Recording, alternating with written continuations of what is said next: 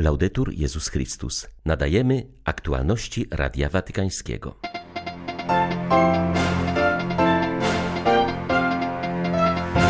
Ukraińcy potrzebują nie tylko żywności i lekarstw, chcą też odzyskać zdeptaną przez Rosjan godność, mówi dyrektor Caritas Mariupol, która wciąż niesie pomoc ludziom uchodzącym z okupowanych terenów. Islamiści terroryzują Nigerię. Tylko w ostatnim miesiącu dziesięciu księży zostało w tym kraju porwanych lub zamordowanych. Biskupi Unii Europejskiej skrytykowali proaborcyjną rezolucję parlamentu, który chce wpisać aborcję do karty praw podstawowych. 8 lipca witają Państwa Beata Zajączkowska i Łukasz Sośniak. Zapraszamy na serwis informacyjny. Ukraina trwa, Ukraina walczy, modli się i zwycięża. W pierwszym rzędzie przezwycięża zło w swoim sercu, mówił arcybiskup Światosław Szewczuk w codziennym rozważaniu wojennym. Rozpoczął nowy cykl refleksji, tym razem o tym, jak zwyciężać. Przypomniał, że w poprzednich dniach przybliżał zasady walki duchowej. Zobaczyliśmy, jak wielkie zło i spustoszenie grzech powoduje w człowieku. Zrozumieliśmy, że o wolność trzeba walczyć, mówił zwierzchnik ukraińskich grekokatolików. Prosimy dziś Pana Boga, aby nauczył nas zwyciężać, zwyciężać zło. Chciałbym zachęcić do modlitwy i postu, zwłaszcza za tych Ukraińców, naszych braci i siostry, cywilów i żołnierzy, którzy zaginęli. Rodziny tych ludzi, którzy dowiadują się, że ich syn czy córka zaginęli bez śladu, przeżywają dziś prawdziwe piekło na ziemi. Jak ciężko jest nie wiedzieć, czy twój syn, córka, mąż, żona żyją, czy zostali zabici. Nie wiedzieć, o co się dla nich modlić. Nie wiedzieć, gdzie są i jak można im pomóc. Dlatego proszę, złóżmy w ofierze nasz post w tej intencji i módlmy się za tych, którzy zostali uznani za zaginionych, a także za tych, którzy nie mają co jeść i pić, za tych, których nieprzyjaciel przetrzymuje w obozach koncentracyjnych, zwanych obozami filtracyjnymi, za tych, których los jest w Bożych rękach. Boże, błogosław Ukrainę. Naucz nas zwyciężać zło. Daj nam zwycięstwo nad tym, kto przynosi zło, śmierć i nędzę na ukraińską ziemię. Błogosław dzieciom Ukrainy. Caritas Mariupol przeniosła swoją siedzibę do Zaporoża i stamtąd pomaga ludziom uciekającym z terenów zajętych przez Rosjan. Potrzebują nie tylko ubrań i żywności, ale przede wszystkim chcą odzyskać zdeptaną przez okupanta godność, mówi Radiu Watykańskiemu ksiądz Rostysław Spriniuk, który pracował w Mariupolu od 2010 roku, tworząc od podstaw tamtejszą wspólnotę grecko-katolicką. Oswoiliśmy się z wojną w Donbasie, która trwała od 2014 roku, a front był kilka kilometrów od nas, jednak obecna okupacja była prawdziwym piekłem, mówi ksiądz Spriniuk. Wskazuje, że Rosjanie celowo łamali ludzką godność, głodząc ich i nie dając dostępu do wody, dążyli, by zniszczyć w mieszkańcach Mariupola wszelkie człowieczeństwo. Wielu z moich parafian zniknęło. Nie ma po nich śladu i nie wiem, jaki los ich spotkał. Wielu ludzi zostało deportowanych do Rosji. Niektórym udało się uciec na Ukrainę. Więcej informacji mam jedynie o losie dziesięciu parafian. Dwie osoby z naszej siedmioosobowej ekipy Caritas Mariupolu straciły życie niosąc pomoc innym. Teraz działamy z terenu Zaporoża, obejmując wsparciem ludzi uchodzących z terenów okupowanych przez Rosjan. Oni potrzebują wszystkiego, ponieważ zostali wyrwani ze swego życia, odarci z wszelkiej godności. Dajemy im nie tylko żywność i odzież, ale pomagamy im znaleźć pracę, przekwalifikować się. To są ludzie, którzy przez całe życie ciężko pracowali i nie chcą teraz jałmużny. Koncentrujemy się też na pracy psychologicznej z dziećmi, pomagając im odzyskać utracone dzieciństwo. Misjonarki miłosierdzia zostały wydalone z Nikaragui. Reżim Daniela Ortegi w ramach podejmowanych przeciwko Kościołowi działań odebrał zakonnicom osobowość prawną i zakazał wszelkiej działalności. Misjonarki prowadziły w Nikaragui dom dla sierot, żłobek dla dzieci z rodzin o niskich dochodach oraz opiekowały się osobami starszymi. Obecnie zostały przyjęte do diecezji w Kostaryce, która zaoferowała im pomoc. Przyjmujemy je z całą miłością, na jaką zasługują za ich służbę i oddanie Bogu i Kościołowi, powiedział biskup Manuel Eugenio Salazar. Przed otrzymaniem pomocy siostry nie miały nawet możliwości używania telefonu. Jednej z nich udało się przesłać do mediów krótką wiadomość. W tej chwili nie możemy prowadzić naszej pracy, zatrzymali nas. Jak zaznaczyła, siostry nie dostawały żadnych dodatkowych informacji poza tymi, które przeczytały w mediach. Nikaragua oficjalnie odebrała osobowość prawną około 770 organizacjom pozarządowym, także katolickim. Najczęstszym zarzutem było rozpowszechnianie tajnych informacji o strategiach bezpieczeństwa narodowego. Odebranie statusu prawnego wiązało się też m.in. z absurdalnym oskarżeniem o pranie brudnych pieniędzy, finansowanie terroryzmu i sprzyjanie rozprzestrzenianiu broni masowego rażenia.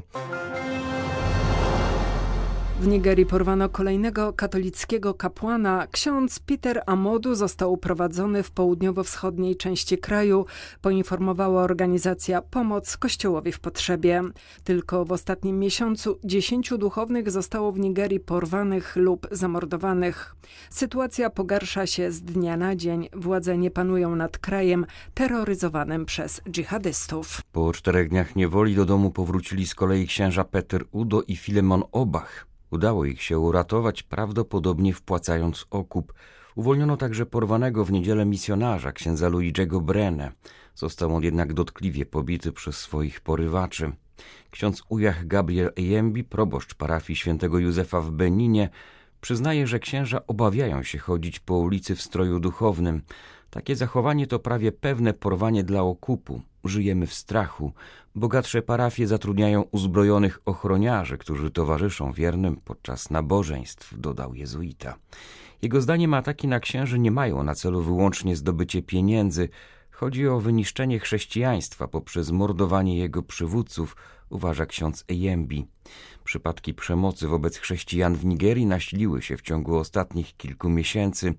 Organizacja Open Doors, która śledzi prześladowania za wiarę, zauważa, że Nigeria stała się siódmym krajem świata pod względem prześladowań chrześcijan. W ubiegłym roku prawie 6 tysięcy nigeryjskich wyznawców Chrystusa zostało zamordowanych za wiarę. Pakistanie trwa prześladowanie chrześcijan przez władze. Tym razem wyrok śmierci został wydany na Szwaka Mashicha za rzekome bluźnierstwo. To kolejne z wielu oskarżeń o obrazy islamu skierowanych wobec chrześcijan. Problemem w Pakistanie jest nie tylko wadliwe, nietolerancyjne prawo, ale także całkowicie arbitralne wyroki. Obecna kara śmierci dotyczy oskarżenia sprzed pięciu lat. Muhammad Nawet, który otworzył warsztat motocyklowy naprzeciw podobnego interesu Masiha, wniósł skargę o rzekome zniesławienie Mahometa przez sąsiada, gdy zakład muzułmanina przestał przynosić spodziewane dochody. Po aresztowaniu Masiha jego żona i córka zostały zmuszone do opuszczenia Lahauru i przeniesienia się z obawy przed atakami muzułmanów. Jestem niewinny, zostałem fałszywie oskarżony, bo chcieli zniszczyć mój interes, powiedział mężczyzna. Skazanie Masiha na śmierć wywołało falę oburzenia. Wiele osób protestuje przeciwko ciągłemu atakowaniu mniejszości niemuzułmańskich, głównie Hindusów i chrześcijan. Ci ostatni stanowią niespełna 2% ludności Pakistanu. Głównymi motywami prześladowań są islamski ekstremizm, zorganizowana przestępczość i korupcja oraz walki polityczne.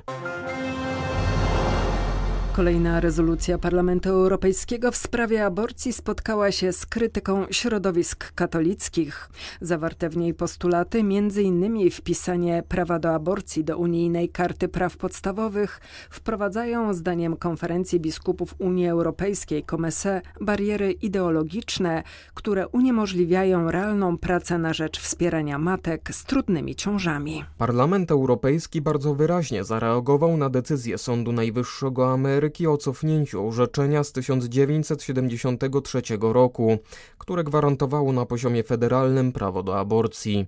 W kolejnej, po pierwszej z 9 czerwca rezolucji potępiono regres w zakresie praw kobiet oraz zdrowia i praw seksualnych i reprodukcyjnych oraz wezwano zarówno USA, jak i inne kraje, w tym Polskę, do działań na rzecz postępu w tej kwestii, co ma wyrażać się m.in. przez zagwarantowanie dostępu do legalnej i bezpiecznej aborcji.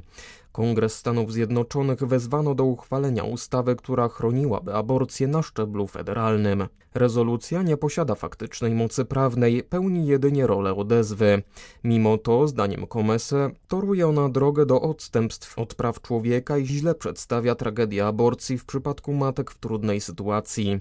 Po raz kolejny zaznaczono, że należy działać, by wspierać ciężarne kobiety i towarzyszyć im w pokonywaniu trudności w problematycznych sytuacjach. Komese przypomina, że aborcja nie leży w kompetencjach Parlamentu Europejskiego. W Wielkiej Brytanii toczy się kolejna sprawa, w której rodzice walczą o prawo do ratowania życia swojego dziecka. Lekarze domniemają śmierć pnia mózgu, wnioskują więc, aby dwunastoletniego Arciego Battersby odłączyć od aparatury. Mimo, że jego serce bije i przy braku wystarczających dowodów sędzia orzekła, że prawdopodobnie zmarł, należy więc zakończyć proces leczenia. Nie bez znaczenia jest tu kwestia transplantacji. Jak stwierdził adwokat chłopca, jeśli ktoś żyje, gdy jego narządy są pobierane, to zabije go sam akt usunięcia bijącego serca.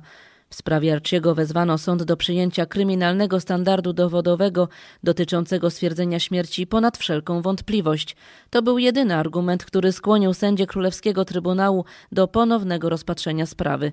Kwestia chrześcijańskich poglądów rodziców dziecka jest zdaniem sądu bez znaczenia. Tymczasem, jak otwarcie głosi matka chłopca, dopóki nie jest to Boży sposób, nie zaakceptuje faktu, że powinien odejść. Znane są mi przypadki cudownych uzdrowień, kiedy mimo śmierci mózgu ludzie wracają do siebie. Archie został znaleziony z zawiązanym na szyi sznurkiem.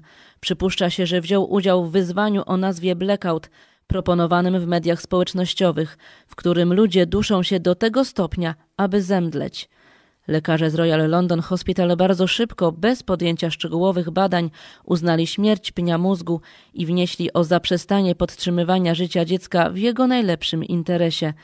Kolejna rozprawa w sprawie życia lub śmierci Archiego Battersby odbędzie się 11 lipca.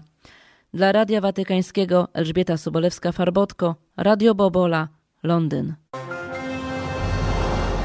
Zapoznanie się z sytuacją uchodźców wojennych na Ukrainie i w Polsce, wyrażenie solidarności z cierpiącym na skutek rosyjskiej agresji narodem ukraińskim oraz zapoznanie się z istniejącymi potrzebami i wyzwaniami to cel wizyty na zachodniej Ukrainie i w Polsce przewodniczącego Komisji do Spraw Migracji konferencji Episkopatu Niemiec arcybiskupa Stefana Hesse. Delegacja niemieckiego episkopatu odwiedziła Kraków, Leżajsk, Przemyśl, Lwów i Warszawę, spotykając się z biskupami katolickimi obydwu obrządków, pracownikami Caritas oraz przedstawicielami władz Ukrainy i Polski. Arcybiskup Hesse podkreślił, że na Ukrainie widział prawdziwe oblicze wojny, zniszczone miasta i domy, doświadczył alarmów lotniczych. Muszę powiedzieć, że nie mogłem po tym dojść do siebie i to wspomnienie zabiorę ze sobą, stwierdził arcybiskup Hamburga przewodniczącemu Komisji do Spraw Migracji towarzyszyła pracująca w biurze prasowym niemieckiego episkopatu Ewelina Sowa. Ksiądz arcybiskup był pod wrażeniem, jaka jest wielka gotowość społeczeństwa w Polsce, ale też i na Ukrainie, żeby służyć pomocą. Z jakim zaangażowaniem i z jaką miłością ludzie traktują jeden drugiego bez względu na to, czy to jest grekokatolik, czy to jest osoba prawosławna, czy to jest osoba, która nie ma żadnego związku z religią. To właśnie dla nas było bardzo takie imponujące zobaczyć, jaka jest gotowość społeczeństwa w służeniu pomocy. Kończąc swój pobyt w Polsce, arcybiskup Hesse wyraził radość ze współpracy obydwu episkopatów w niesieniu pomocy dla Ukrainy. Z Warszawy dla Radia Watykańskiego ojciec Stanisław Tasiemski, Dominikanin. Były to aktualności Radia Watykańskiego. Laudetur Jezus Chrystus.